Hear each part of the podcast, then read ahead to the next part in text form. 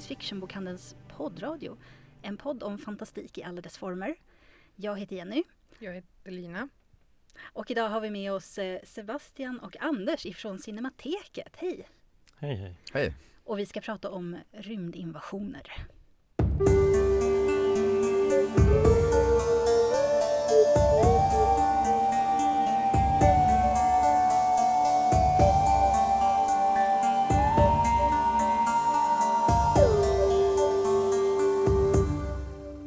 Innan vi börjar så vill jag bara säga hej. Det har varit väldigt långt uppehåll ifrån oss.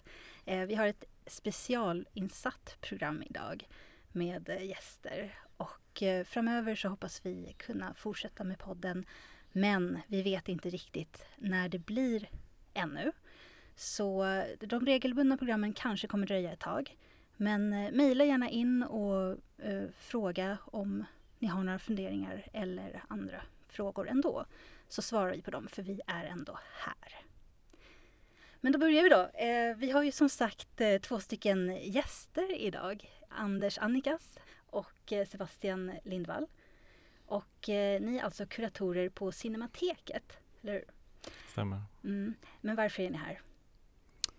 Ja, vi är ju här för att vi har ett samarbete kring en retrospektiv med rymdfilmer som heter De kom till Tellus. Precis, och eh, det ingår i eran höst, ert höstprogram, eller hur? Som har ett ännu större tema. Ja, eh, höstens tema heter In Memory, eh, minnets geografi och den rörliga bilden. Eh, och det är ju minne som då är, står i fokus. Och det här är ju en serie som ingår i eh, vår sidosektion utanför temat. Men det finns ju en viss eh, återblick kan man säga i eh, bakgrunden till den här retrospektiven. Mm. Och vad är det ni gör lite mer specifikt på Cinemateket? Är det ni som har valt ut de här filmerna?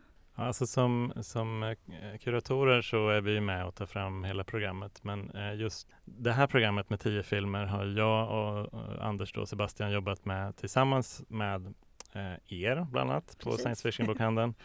När vi bestämde oss för att vi skulle ha, ha det här temat då med rymdvarelser som kommer till jorden så, och det i sin tur var för att för om vi hoppar tillbaka två år så hade vi eh, tankar kring hur vi skulle få folk att komma på Cinemateket i december som är en ganska svår månad för då eh, går alla och köper julklappar på science fiction-bokhandeln och annat. Ja, så är det ju. Eh, men eh, då brukar vi ha ganska låg publik så tänkte vi ja, men vi testar att göra en, en, en, något som vi tror har liksom en publikmagnetserie och då visade vi film där en serie som heter Till oändligheten tror jag tror jag den hette, som handlade om när människan tar sig ut i rymden. Och så tänkte vi att vi, vi vill göra det här igen och så vänder vi på det och, tar, eh, och tittar på vad som händer när rymdvarelserna kommer hit. Och så var väl tanken att vi skulle göra det här tillsammans med er och vi hade väl tänkt att det skulle vara i december förra året men då blev det ju pandemi så att då hade vi inga filmer. Men gjorde vi så att vi tog fram ett långt stort urval så frågade vi er, har ni några fler idéer? Eh, och så fick vi ett ännu större urval och så kollade vi vad vi kunde få tag på för att på Cinemateket visar vi ju film, det är inte bara att eh, sätta in DVD eller så, utan vi, vi visar ju film på, på antingen analogt på 35 mm eller i liksom högupplöst digitalt, det, det nuvarande bioformatet och DCP. Och det handlar ju om tillgång då, men också om att få rättigheter till en film och visa en film. Det är en komplicerad värld där det kan finnas rättighetsinnehavare i alla olika delar av världen. Så att, så att först liksom vad vi vill ha, sen vad vi kan få tag på och, och vad liksom vi hittar och sen eh, så vände vi oss till våra Facebook-följare och frågade lite grann utifrån en, ett större urval. De fick rösta då vilka de ville ha med. Så de här tio sista är liksom en, en process som har kokats ner till från, utifrån många olika parametrar. Ja, vi, vi fick ju frågan eh, och det innebar att våra marknadsansvariga kom in och frågade mig för att jag har jobbat mycket med film förut. Så att, och det var ett väldigt rejält urval och jag tror inte att vi la till så mycket filmer på den. Kommer jag inte ihåg i alla Ja, fall. men det var, ni, vi, kanske hade, vi kanske hade 10 eller 20-30 filmer och ni la till 10-15. Ja, och det var ju några av dem som kom med i det slutliga urvalet. Så att det var ju, Ja, vilka var det? Eh, vilka var det som jag tror att det var The Terror från rymden bland annat. Kan det ha varit? Och eventuellt, jag vet att jag pushade för Body Snatchers, den från 78. Ja, men den hade vi redan Ja. tänkt ut. Men det, ja, nu, nu har Jag jag, inte listan framför mig här. Men, men, ja, men jag vet att men åtminstone var det bland de 20 som folk fick rösta på, eller hur Mm. många det nu var, så var det 25, så var det flera filmer som var från er. Men eh, Ja, men det var en, en väldigt rejäl lista. undrar Wild Zero va? Någon av de japanska. Ja. Ja, Eller om det var Varning från rymden, ja. ja. Ja, och apropå det här med visningsmaterial så Wild Zero är en sån film som just i detta nu håller på att tas fram en DSP som vi kan visa. Ja, vad roligt. Så det är ju verkligen, eh, även om den finns på DVD och eh, ganska lätt att få tag på på det sättet så är det ju en annan värld att hitta visningsmaterial för biograf. Och det är en ganska rolig blandning också just om man nu får nörda in på, på visningsmaterial så några av filmerna vi visar är, är, är gamla distributionskopior som kommer från Filminstitutets arkiv som, som liksom har gått på bio en gång i tiden och som har naturligtvis bär spår av det. Andra är sådana som vi har lånat in från andra arkiv som också är gamla distributionskopior. Några är liksom nyframtagna, restaurerade bland annat eh, rymdinvasion i Lappland då, som, som ju eh, visades i fredags, eh, som Lina introducerade. Den är ju restaurerad, digitalt restaurerad av Filminstitutet för att den ska kunna få en chans att få ett nytt liv på biograferna. Och, och den versionen är då den som vi visade på Cinematek. Jag tror den också ganska nyligen för första gången kommit på Blu-ray om jag inte har helt fel. Just Vilket det. ju s- var i samma veva Ja, då, så att det är precis. samma process. Liksom. Ja, exakt. Ja, Så att, eh, vill, man, vill man se den, om man, om man missade den i fredags så kan man köpa den på Blu-ray. Bra. absolut. Vilken film var det som fick överlägset mest röster då? Lite nyfiken. Oj, Jag nu- tror att det var Wild Zero. Ja, jag tror faktiskt också att det var den. Wild Zero. Vi, gjorde, vi delade upp det lite eftersom vi, vi, gjorde- vi har ju liksom gjort eh, vi- vi gjorde, Man kan säga att vi delade in rymdvarelsebesöksfilmerna i tre tidsperioder. Vi kanske kommer att komma in på det men, Mm. men då, då delade vi upp dem liksom i, så att man fick rösta fram om det var fyra filmer från 50 och 60-talet och, och så vidare. Och så var det då i den här 90 och 00-talsgruppen så var Wild Zero helt överlägsen. Mm. Mm. Hur, eh, hur länge pågår den här visningen då? Är det, hur många veckor är det?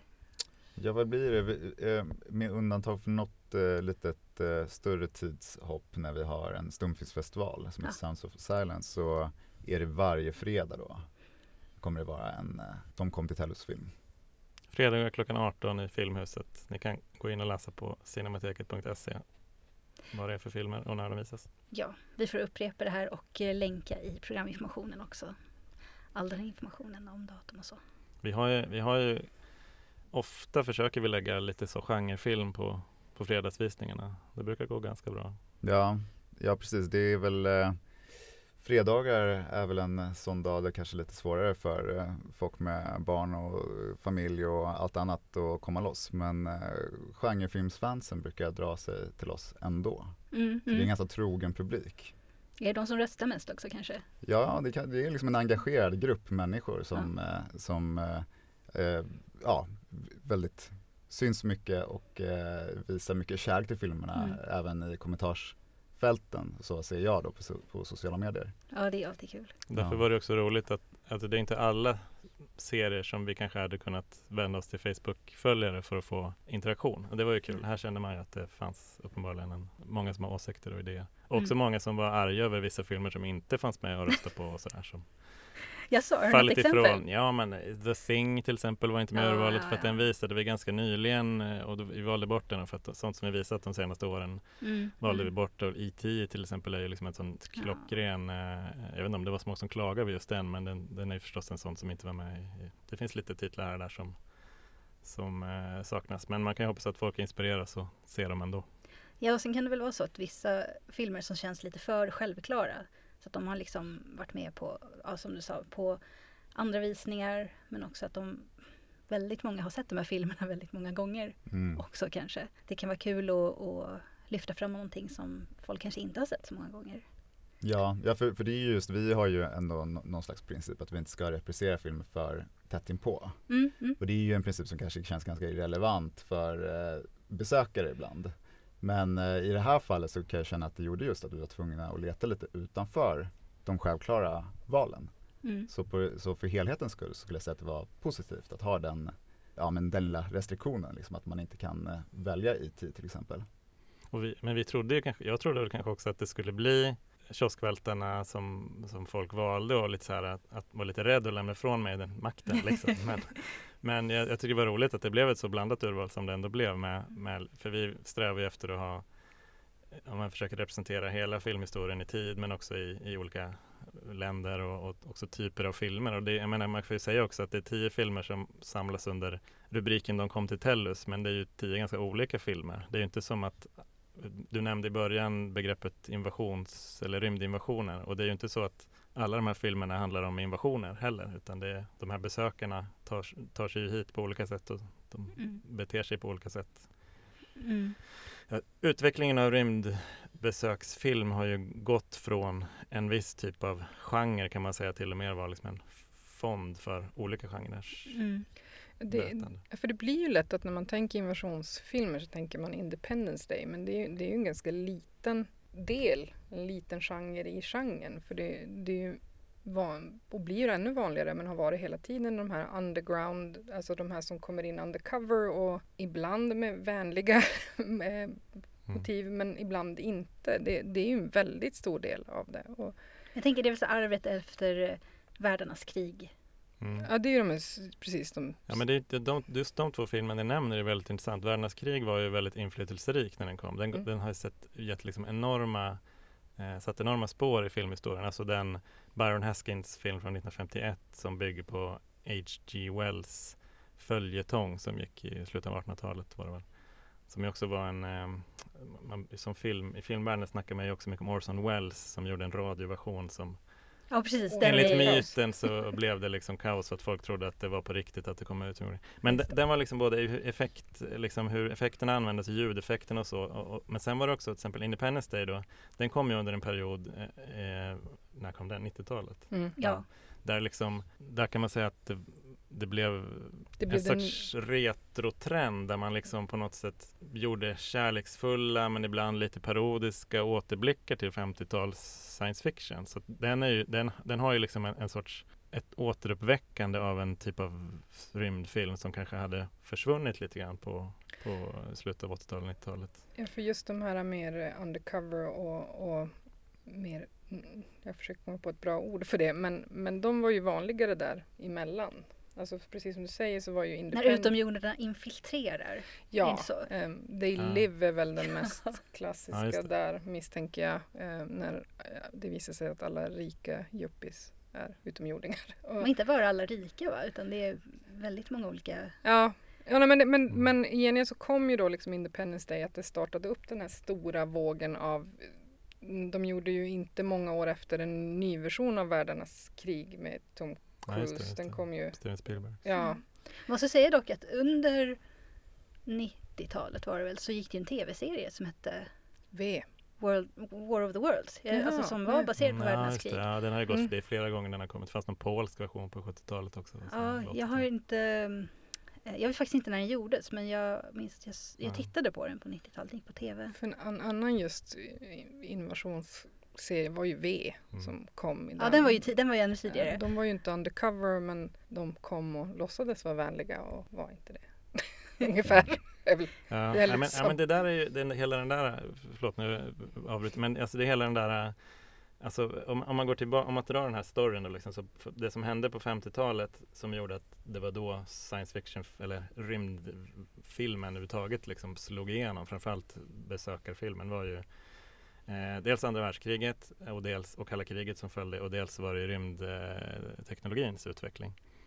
Eh, det blev liksom plötsligt möjligt att tänka sig att man skulle kunna göra resor utanför eh, atmosfären. Mm. Och, och, atombomben och det skapade en, en, en rädsla för krig och sen kom ju hela den här kommunistskräcken i USA. Så att det, där var ju, som till exempel du nämnde, Body Snatchers, den första Invasion of the Body Snatchers-filmen eh, från 50-talet, den brukar ju läsas som en allegori över hur amerikanerna var rädda för att kommunisterna skulle infiltrera samhället och göra alla till, till slavar. Liksom. Mm. Och jag menar den 70-talsversionen, där, där är det lite ospecificerat vad det är för slags invasion. Och, och liksom, man kan, det är liksom paranoian speglas mer av den tidens Watergate-skandalen och, och, och liksom en annan typ av film som, som var i fokus då. Och sen var det också så att när liksom de här lite naiva 50-talsfilmerna ibland där man antingen som du säger, antingen kommer det någon och hotar oss eller så är det någon som kommer och ska rädda oss och vara vänlig och kanske stoppa eh, mänskligheten från att göra bort sig som den här mannen från Mars.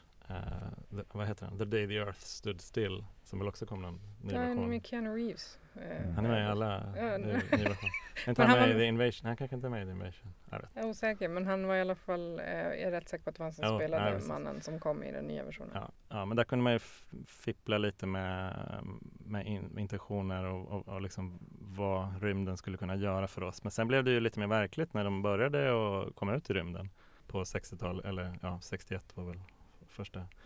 Då blev det mer intressant att göra filmer om att ta sig bort. Liksom. Mm. Och sen kalla kriget försvann och då blev det, ja, men det, det är liksom Men det är ju, eh, vi hade för ett tag sedan, eh, ganska länge sedan hade vi en diskussion just om, om politik i böcker och politiska, alltså inom fantastik, både de faktiska politiska system som finns i science fiction och fantasy eller hur det är politiskt. Och just science fiction och fantasy är ju en sån genre där det, det speglar väldigt mycket, precis som du säger, det samhället som man lever i. Och det var efter kommunistskräck och andra världskriget så kom de här filmerna och ehm, just kärnvapen ledde ju också till de här monsterfilmerna om man tänker japanska Godzilla och, och de som också var en. Och det, det blev ju, sen 60-70-talet var det ju mycket filosofiska science fiction. Solaris är den jag kommer på på rak arm. 2001. 2001, eh, ja precis. Eh, och skräck var ju också om man tänker Alien. Nu är det inte invasionsfilmer men, men ändå den typen av. Så det, det ser man och sen så kom just under 90-talet var det mycket den här retro. Dels så återupplivade de ju stora invasionsfilmer men det kom ju också, det var väl då de sista Alien-filmerna kom. Alien 3 kom väl 92 vill jag säga. Någonstans där. De, uppe. det- sista, de sista inom citationstecken, det kommer Ja. Alien-filmer hela tiden. Jag, jag brukar inte låtsas om dem, det är min taktik för att överleva. Så hela den här Alien Nej. 4 finns inte. Var inte Alien 4 när, när de Vi faktiskt... pratar inte om den. Mm. Hela min inställning till, till Alien 4. Eh, nej men det, det kommer ju igen hela tiden och oftast så speglar det ju främlingsfientlighet. Ja, det är men ju det, och sen är det förstås också, eh, vi kan ju komma tillbaka till, till lite nationella sk- skillnader, men, men jag bara, det, kom ju en liten film 1977 som hette Stjärnornas krig också, som, och samma år kom Närkontakt av tredje graden som, som är också en, en sån film som folk kanske efterfrågade när, som inte hade med urvalet. Mm. Men, eh, ja, men och, och där, det blev ju hela blockbuster och liksom spektakelfilmen blev ju följde, det kom ju jättemycket filmer i den andan efter det. Så det är klart att Independence Day är ju också en effekt av den utvecklingen också. Att man har mer sofistikerad teknik och, och, och sådär. Så att, så att det är klart att även om till exempel Världarnas krig ju, ser ju helt fantastisk ut med tanke på att den gjorde på 50-talet så fanns det ju en helt annan möjlighet att berätta den när Steven Spielberg gjorde den 2001 eller vad det var. Så att det, det påverkar ju också förstås utvecklingen av hur de här filmerna har sett ut.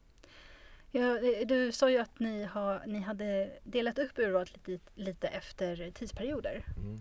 Eh, var det någon specifik period som det var väldigt svårt att hitta filmer ifrån?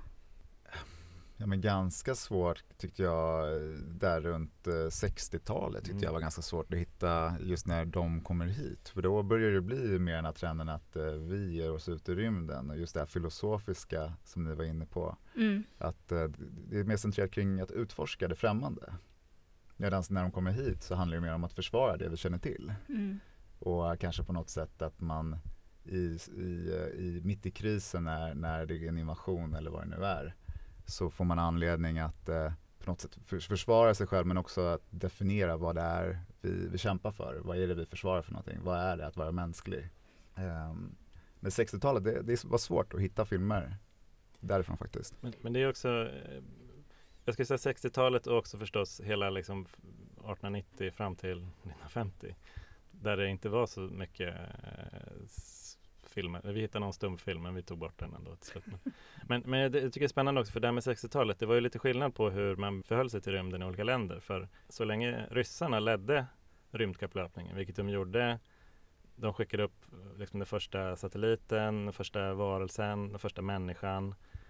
Liksom, och så länge de ledde så gjorde de väldigt positiva filmer om så här och också socialistisk klang, liksom att, att det var expeditioner med personer från, från hela världen som samarbetade för att lösa problem och, och liksom det finns några fantastiska filmer där ryssarna och amerikanerna tävlar om vem som komma först till Mars eller vad det är och sen så blir det fel på den amerikanska raketen och då låter ryssarna bli att komma först och åker och hjälper. Alltså så här, och, Mm, medan mm. amerikanerna, den här paranoian låg kvar liksom. Mm. Det är som en händelse, som en tanke att, att liksom 2001 kom samma år som, som Neil Armstrong gick på månen och då vips, där gick ju amerikanerna om och hela liksom amerikanska berättelsen om rymden börjar ju där kan man säga men de- första tio åren var det ryssarna som var först. Och då blev det liksom en, annan, en annan, ett annat svung i, i, filmen, eh, i den amerikanska filmen. Liksom. Det var som att de deppade sig igenom hela 60-talet för att ryssarna var, var först. Och, och, och sen, det kan hända att det finns en massa sovjetiska invasionsfilmer som jag inte har koll på. Det är svårare att, att, att beta igenom hela den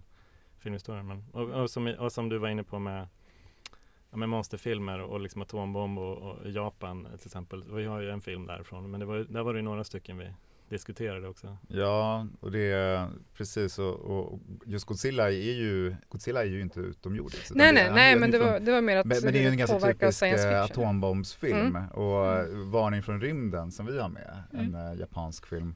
Den är ju ganska rolig för den, den är ju lite mer från Mannen från Mars. eh, Ja, de är ju eh, väldigt vänliga och De är ju väldigt snälla. vänliga. De kommer ju hit för att varna oss. eh, Och, men sen måste de ju ta till olika knep för att vi inte ska bli rädda. Mm. Så där blir det en slags blandning mellan den här eh, mannen från Mars eh, men också att de ska infiltrera. Att de ska försöka göra det mindre läskigt genom att anta en så lä- oläskig form som möjligt. Det är väl, Starman är väl också lite det Ja, temat ju att de precis. kommer och ska varna oss och vara snälla. Ja, Typ.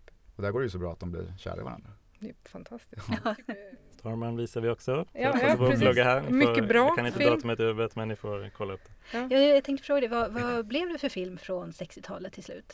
Vilken Ja, det det? blev ju en länge 60 eller blev det det? Nej, Kom- jag Nej, jag, jag, nej, jag Eller var när kom Varning från rymden? Alltså de tre filmer som kom från det spannet som var 50 och 60-tal, det var den här japanska Varning från rymden, Ja. Världarnas krig och så var det Rymdinvasion i Lappland. Då. En svensk, svensk-amerikanska film och de är väl alla gjorda i slutet av 50-talet. tror jag. Ja. Ja. Eller mitten. Ja. Men, men det är ju intressant, alltså, vi har ju också varit snäva i det här, att vi ska, det ska verkligen vara, reglerna är det ska vara en utomjording som kommer till jorden. Och att just det här att monsterfilmerna, atombombsfilmer och, och, och sen också till exempel s- ja, men så här, zombiefilmer och epidemifilmer, de, de, ofta är de ju närliggande i att de allegoriskt så handlar det kanske mer om skräcken för någonting än att det just handlar om att det verkligen kommer en utomjording. Eller att, alltså, Men det är klart, för det finns ju många filmer som är väldigt bra och som på andra sätt tematiskt passar. Men jag tycker att det är väldigt kul när man har en väldigt, ett väldigt begränsat tema som är väldigt specifikt på det här sättet.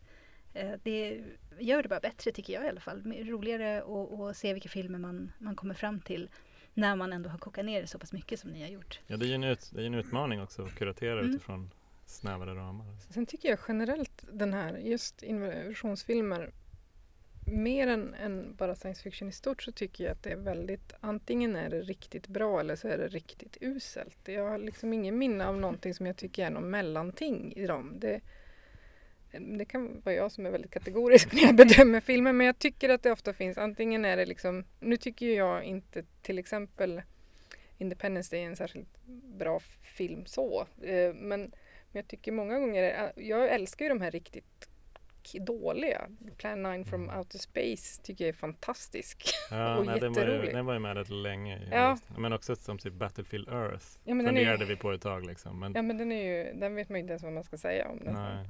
Det är ju fantastiskt, bara det. Med rymdinvasion i Lappland märks ju väldigt mycket hur den tagits emot på sociala medier. Att det är ju, kalkonstämpeln är ju någonting som eh, lockar mer än avskräcker. Folk Ja, tycker det är väldigt, väldigt roligt. Och sen finns det ju några som även är, säger ifrån och säger att den är inte alls så dålig som eh, den har utmålats som. Så det, är, det är ju väldigt roligt Mm. att eh, folk tycker och tänker så starkt om rymdinvasion i Lappland.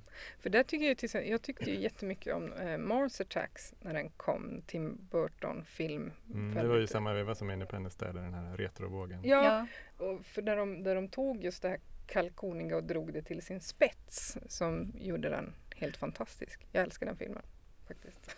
Ja, och det, men det, det som jag tänker är väl kanske det man reagerar på när man ser Independence Day. Alltså den Mars Attacks driver ju ganska mycket Mm. med, med genren. Mm. Independence Day har ju, den har ju vissa, den har ju Will Smith som ju alltid är lite rolig. Mm. Men den har ju också den här att när mänskligheten ska sluta upp på något sätt så blir det ju, representeras det ju på något sätt av USA och Vita huset och den amerikanska flaggan. Och det finns det där som nästan blir, att det blir lite mer problematiskt än, Jag, jag än ju, samhällskritiskt. ja, ja men verkligen. Men det är ju också det är svårigheten tycker jag med de här amerikanska storfilmerna där eh, de ofta har bra skådespelare, de har väldigt bra effekter, eh, de har väldigt bra eh, spektakel eller vad man ska säga. Mm. Eh, att det är väldigt svårt att bedöma hur bra filmen faktiskt är. För att eh, de har lärt sig att spela på dramatiken på ett sätt som får publiken att dras med. Och sen när man tänker på det i efterhand, man bara, eh, fast eh, eh ja, var det inte kanske lite underligt att eh, USA är världens hjältar och alla liksom accepterar 4 juli som oavhängighetsdagen för hela planeten. Jag vet inte riktigt vad jag ska tycka om det här. Men, ja, men det känns ju lite också, det känns ju väldigt daterat på ett sätt. Alltså, det skulle inte göras på det sättet idag tror jag. Dels Nej. skulle ju Kina inte tillåta USA att göra film som, eh, på samma sätt. Men, men, ja, men jag, jag vet inte, det kom väl någon, någon uppföljare nu, jag har inte sett den faktiskt. Men, men det känns ju som att det, alltså det är ju också tydligt om man ser när vi liksom försökte staka ut trender så att, att ja, men ta för liksom District 9 som kom i, i slutet av, eller skarven mellan 00 och 10-tal gjorde den väl. Den är ju väldigt så här realistisk om man ser till hur, hur så här, eller, in, liksom det finns en inre realism i den i alla fall i liksom att det kommer utomjordingar och, de behand, och sen är det samtidigt en allegori, allegori där liksom de, just att det i Sydafrika utspelar sig att, att de här personerna eller varelserna får bo i kåkstäder och, och, eh, och sådär. Och, alltså den typen av jag skulle säga att det finns också en, en trend som är liksom att en, en, nu hoppar jag lite, men en, finns som Mon, Monsters, heter det så? Som också kom där i samma veva. Mm, som som är också en, det kommer Monster som är liksom Alltså det är nästan så att de handlar om miljöförstöring lika mycket som om, om, om utomjording. Att, att det finns liksom en nästan postapokalyps nu. Visst är det den man faktiskt aldrig ser dem utan det är en zon de inte får, om jag kommer ihåg Jo, det. man ser, jag- man ser den i slutet så är det Ja, några som svävar okej, vid en bensinmack. För det, jag det kom ju i den vevan kom det ju mycket, för det var ju de här Skyline och de kom väl ungefär samtidigt här för mig. När de spelade ganska mycket på det jag inte ser. Men, men Mm. den är ju som du säger, Mm. det är ju, jag, District 9 är en av mina favoriter för den är så otroligt realistisk på något sätt. Det, vi i princip tar ihjäl utomjordingar med byråkrati tycker jag är helt, alltså för det Mm. finns ju den här med ni ska bo, jag, vet, jag tycker den är fantastisk just för att den är det är inte precis när de kommer utan det utspelar sig många år efteråt. Det är väl typ tio år efter de faktiskt har anlänt och de får bo i de här kåkstäderna och, de får inte, och så ska de flytta på dem för att ja, det känns som sagt vi tar ihjäl dem med byråkrati. Det är Mm. Väldigt talande. på Det något sätt. påminner mig lite om den här eh, tv-serien också. Jag har sett mer tv-serier än film uppenbarligen. Eh, som heter Alien Nation. Jag vet inte om ni Mm. såg någon, någon, Mm. någon av er. Det finns ju en film som heter också, är de Ja. relaterade? Ja, jag tror att eh, tv-serien kom efter, filmen kom först och sen kom det en tv-serie som fortsatte berättelsen faktiskt, nu när du säger det. Eh, där det är lite samma sak att ett rymdskepp kraschar eh, eller landar i Navajo-öknen i USA. Och eh, en massa rymdvarelser, som, de ser ju mycket mer mänskliga ut. Och det är bara liksom, de är humanoida i alla fall. Och de har varit slavar i sin civilisation och så har de lyckats fly eller bli befriade eller någonting. Men de är jättemånga och så ska de integreras då i samhället i USA i den närmsta stan som jag tror möjligtvis är Los Angeles. Och så handlar det om en människopolis eh, många år senare då efter det här hänt och hans eh, kollega som är en sån här rymdvarelse och de löser brott tillsammans eh, och han och deras konflikter och de här kulturkrockarna och det som händer. Och den är ju mycket snällare eller vad man ska säga än District 9. Men eh, jag tyckte att det var jätteintressant att se för det handlade ju uppenbarligen om invandring och integration och kulturkrockar. Det är ganska, ganska mycket, många av invasionsfilmerna som faktiskt just det temat med främlingsfientlighet och Mm. eh, hur vi hade reagerat om det kom någon från en annan planet och de här grejerna. Eh, Ja, Filmversionen av Alien Nation hade vi faktiskt med i vårt första urval, men den, och den kunde man rösta på. Men eh, Jag missade det. jag, jag, jag hejade lite på den, men den eh, Ja. togs inte hela vägen tyvärr. Nej. Men jag tycker det är kul, eh, eller kul, men jag, bara, eh, jag, jag tänkte återkoppla till varför vi kallar serien eh, De kom till Tellus. Mm. För det är ju en, det är i sin tur en, en remake kan man säga. Det, det var eh, december 1993 och januari 1994 hade Cinemateket eh, en serie som hette så då, och därför ville vi använda den titeln som också hade liknande tema. Jag tänkte jag skulle läsa hur det då beskrevs vad innehållet handlade om och då står det så här. Frågan om intelligent liv bortom vår egen planet har fascinerat många filmskapare som skildrat utomjordiska varelser på oväntat besök. Denna subgenre till science fiction hade sin höjdpunkt på det paranoida 50-talet men återkom på 80-talet med filmer som hade en mindre fientlig inställning till dessa långväga invandrare.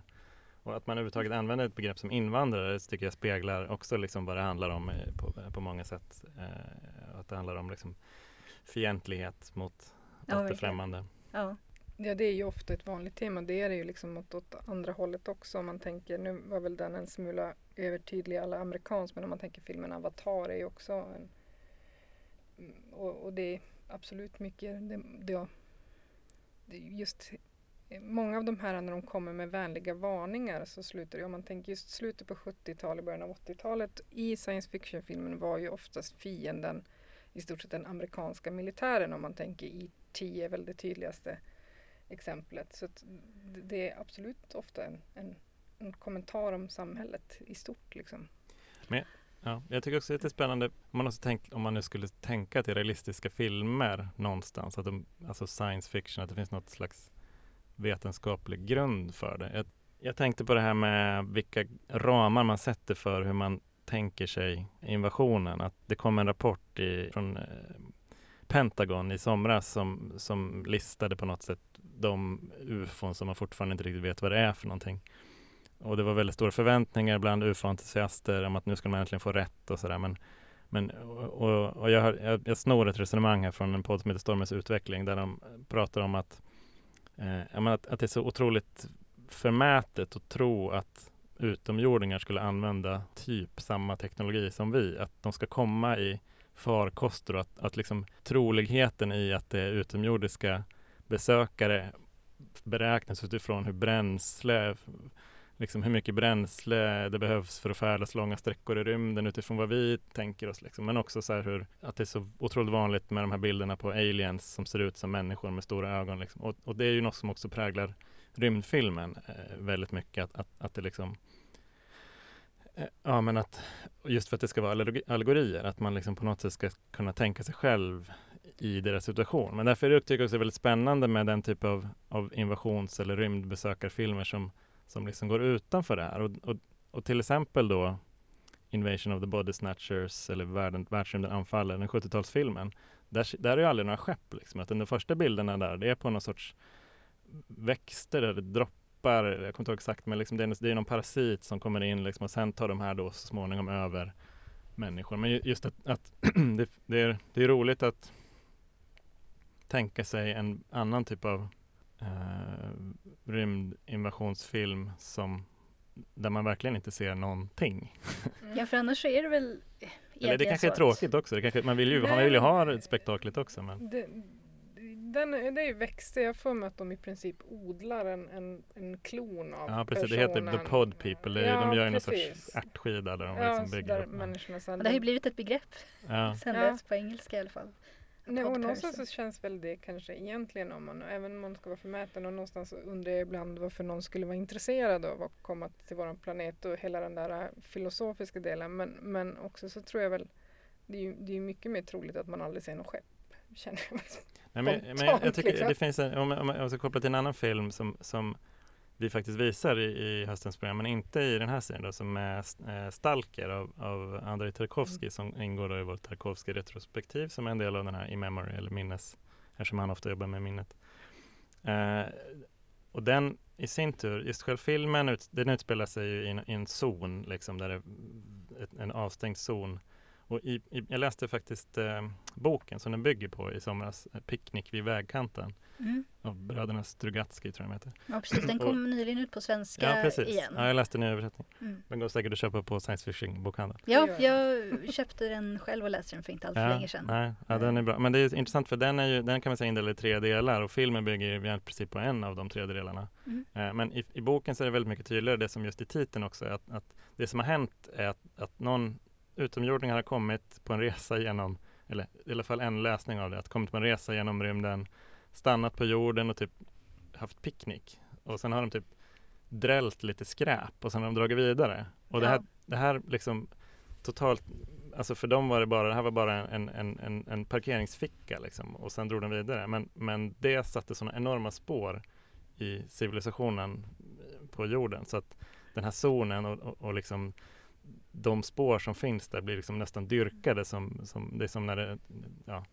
Och, och, och den typen av liksom att, att, att tänka så här, okej har de varit här så, så var det så kanske inte var så viktigt det kanske bara drog förbi. Jag tycker det är jättespännande. Det, det här är en av de anledningarna, en av de filmerna ni, som visas i just den här De kom till Tellus är ju rovdjuret och det är en av anledningarna till att jag tycker om den filmen därför att det här handlar inte om att komma för att upplysa oss eller varna oss eller någonting utan det är så här att det här är våran regnskog där vi jagar exotiska djur i, i princip. Att vi är liksom bara en av många planeter där de har för att, att visa sig som alfamän i princip och döda. Och, och, det är en bra film för övrigt. Jag gillar både den. Jag är faktiskt ganska förtjust i tvåan, vilket jag förstått inte är jättevanligt. Jag har hört att du gillar Alien vs Predator väldigt mycket också. Nej, den har jag lite svårare för. Eh, fast jag tycker ju om att se. Ja, Var, Men- var det den när de är i en, någon eh, slags pyramid i, på under syd, isen. Nordpolen? Ja, det finns... Eh, Jag, såg, jag, jag tyckte den var extremt underhållande. Jag Ja. vet inte om jag kan säga att det var en bra film. Jag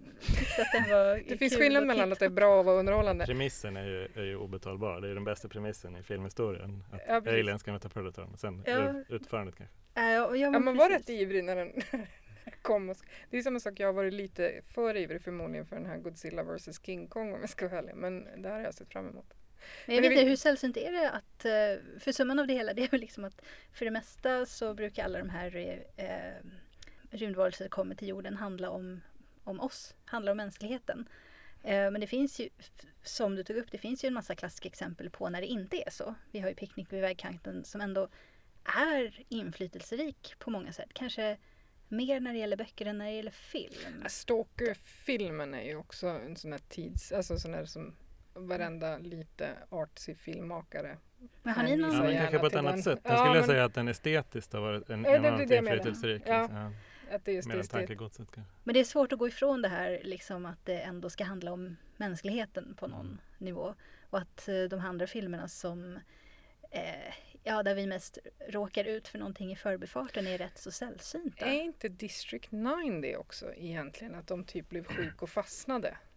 Har jag nog vagt minne Ja, de men själva filmen handlar ju ändå om att, Ja. att liksom hur beter sig mänskligheten eller Ja, men, i ja, det här abs- samspelet. Absolut, men jag, jag tror att tanken där var inte... Jag, jag tror att de hamnade fel. Ja, de kom inte hit på grund av att de ville göra någonting Nej. specifikt med mänskligheten.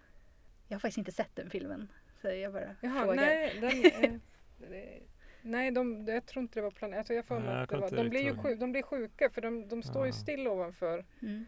Har ni två någon så här preferens när det gäller tema och så? Vad ni tycker är roligast med såna här typer av filmer? Alltså jag, jag, jag är ju väldigt svag för Starman. Det, Ja. ja. alltså, eh, alltså om du menar serien eller menar du generellt i premiss? Eh, Eh, både och, men, ja, men framförallt premiss. Liksom. Är det roligare med eh, det här lite mer oförståeliga, någonting bara händer, ja, men som i, i Picknick vid vägkanten. mm. Att eh, vi förstår inte vad det är för någonting. Det är jätte, och vi kommer kanske aldrig kunna förstå det heller. Eller eh, det här när eh, det är liksom mänskligheten måste enas. Antingen i att kämpa mot någonting eller att ta emot någonting. Eh, vad kommer mänskligheten välja liksom? Ja, alltså det, det som är kanske problemet i många filmer där mänskligheten måste enas, om Mm. man ser till exempel på Independence Day som jag varit inne på, Ja, det är ju att eh, det blir, alltså just i den filmen så är ju rymdvarelserna ganska endimensionella, minst Ja. sagt.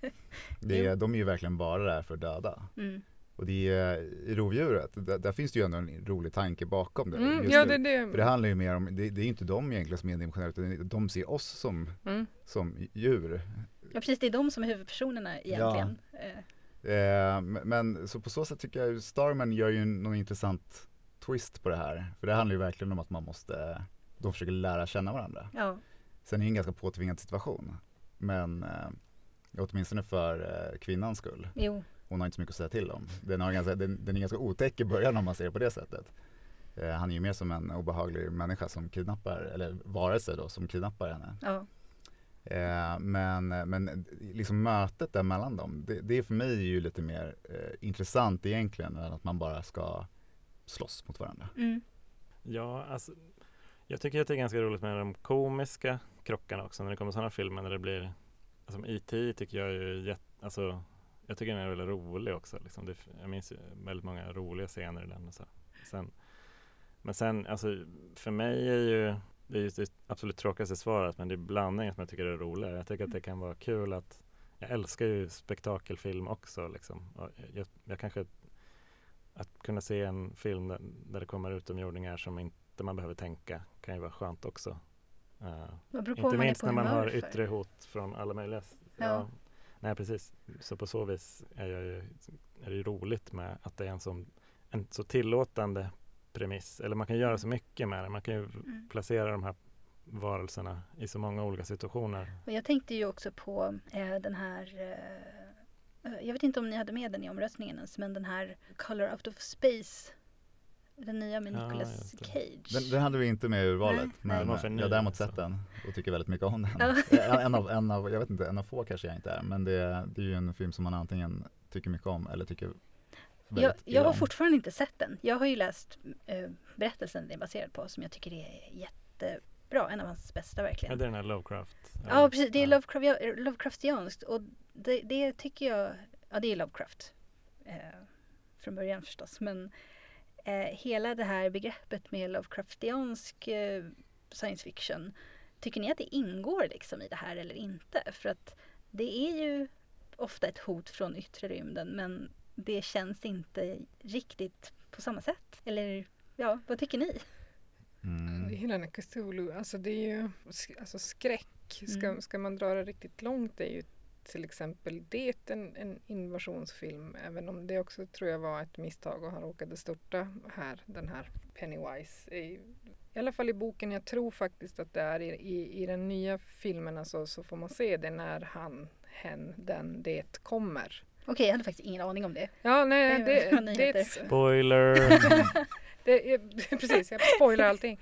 Eh, har man inte sett får man skylla sig själv. Eh, men ehm, men i, i boken så är ju det mycket tydligare. Och Mm. Det är väl mer, nu har ju Stephen King tagit mycket från Lovecraft. Ja, det har Eh, han och ju. idén är väl att det är gudar som är Men- fång, alltså de hålls fångna i, Ja, Lovecraft har ju också det inte här- tydlig kanske.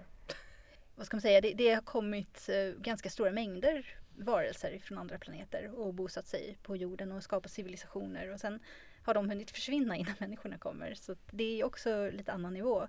Men jag tycker ibland att det kan vara lite svårt att dra gränsen mellan liksom skräck och science fiction. Hur mycket Mm. som hamnar lite på, ja men just på gränsen där som i Color Out of Space när det faktiskt är någonting från rymden som störtar och man vet inte riktigt vad det är. Det verkar vara, nu har jag inte sett filmen som sagt men i boken så verkar det vara flera eh, separata någonting. Men det, ja, Ja. Nej, men det är ju, jag tycker ju The Thing, alltså jag, jag tycker ofta just skräck och science fiction funkar väldigt bra. The Thing är väl invasions... Nu var inte den med för att den hade ni visat ganska nyligt. Ja. Ja. Mm. Eh, Jag tror, hade vi kanske med 50-talsfilmen eller strök vi den också?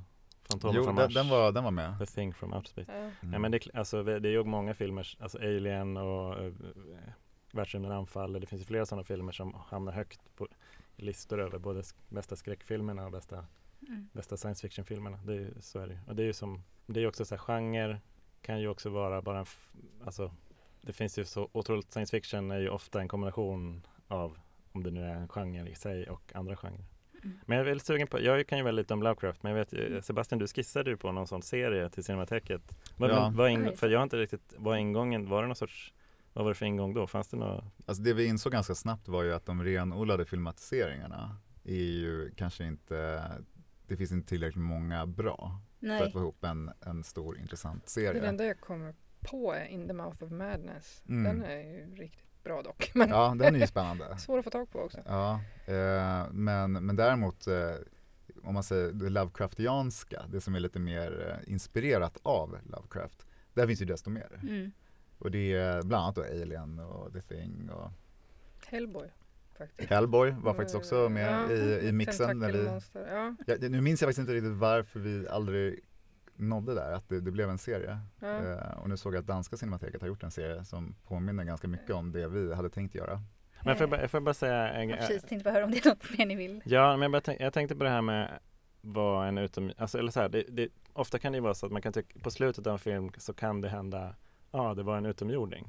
Och det brukar man det blir som ett så här slappt slut på en förklaring på, aha det var det som var Lazy anledningen. writing. Mm. Ja men lite, ja, lazy writing. Jag menar att liksom, och det är också intressant att så här, man kan att det kommer till den punkten att det kan bli så här, ja men vi slänger in att det var en utomjording eller så här, det blir en, eller att det någonstans i, i storyn finns att, men kan det vara en utomjording och då bara garvar man åt det. Liksom att det finns liksom en, det, det är så starkt rotat i populärkulturen så att man, man måste förhålla sig till det på något sätt. Man kan se en film och så kan man tänka, jaha, är det en, är det en utomjording? För att det finns så himla mycket berättat om utomjordingar som kommer hit. Mm. Att man måste, då måste man också, oavsett om man är lat eller inte som författare eller manusförfattare så måste man på något sätt förhålla sig till det.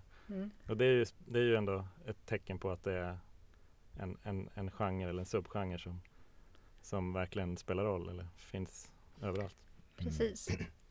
Eh, vi måste börja avsluta nu så att eh, till sist så tänkte jag bara fråga er om ni har någon personlig favorit ibland filmerna som ni visar nu på, i den här serien. Jag, jag var ju lite inne på det förut. Eh, Mm. För mig är det nog eh, Starman, eh, Starman. John Carpenters film som ju egentligen är någon slags road movie eh, kärlekshistoria. Mm. Jag såg Eh, den för, själv för många år sedan så att eh, jag skulle gärna vilja se om den faktiskt. Och den är så otroligt 80-tal. Ja. Alltså när, när jag såg den med min eh, flickvän inför att vi arbetade med den här serien så eh, hon trodde ju att det var en ny film gjord i retrostil för att hon tyckte den var liksom så 80-tal att det nästan kändes eh, som en slags pastisch nästan. Ja men det är som. Stranger Things.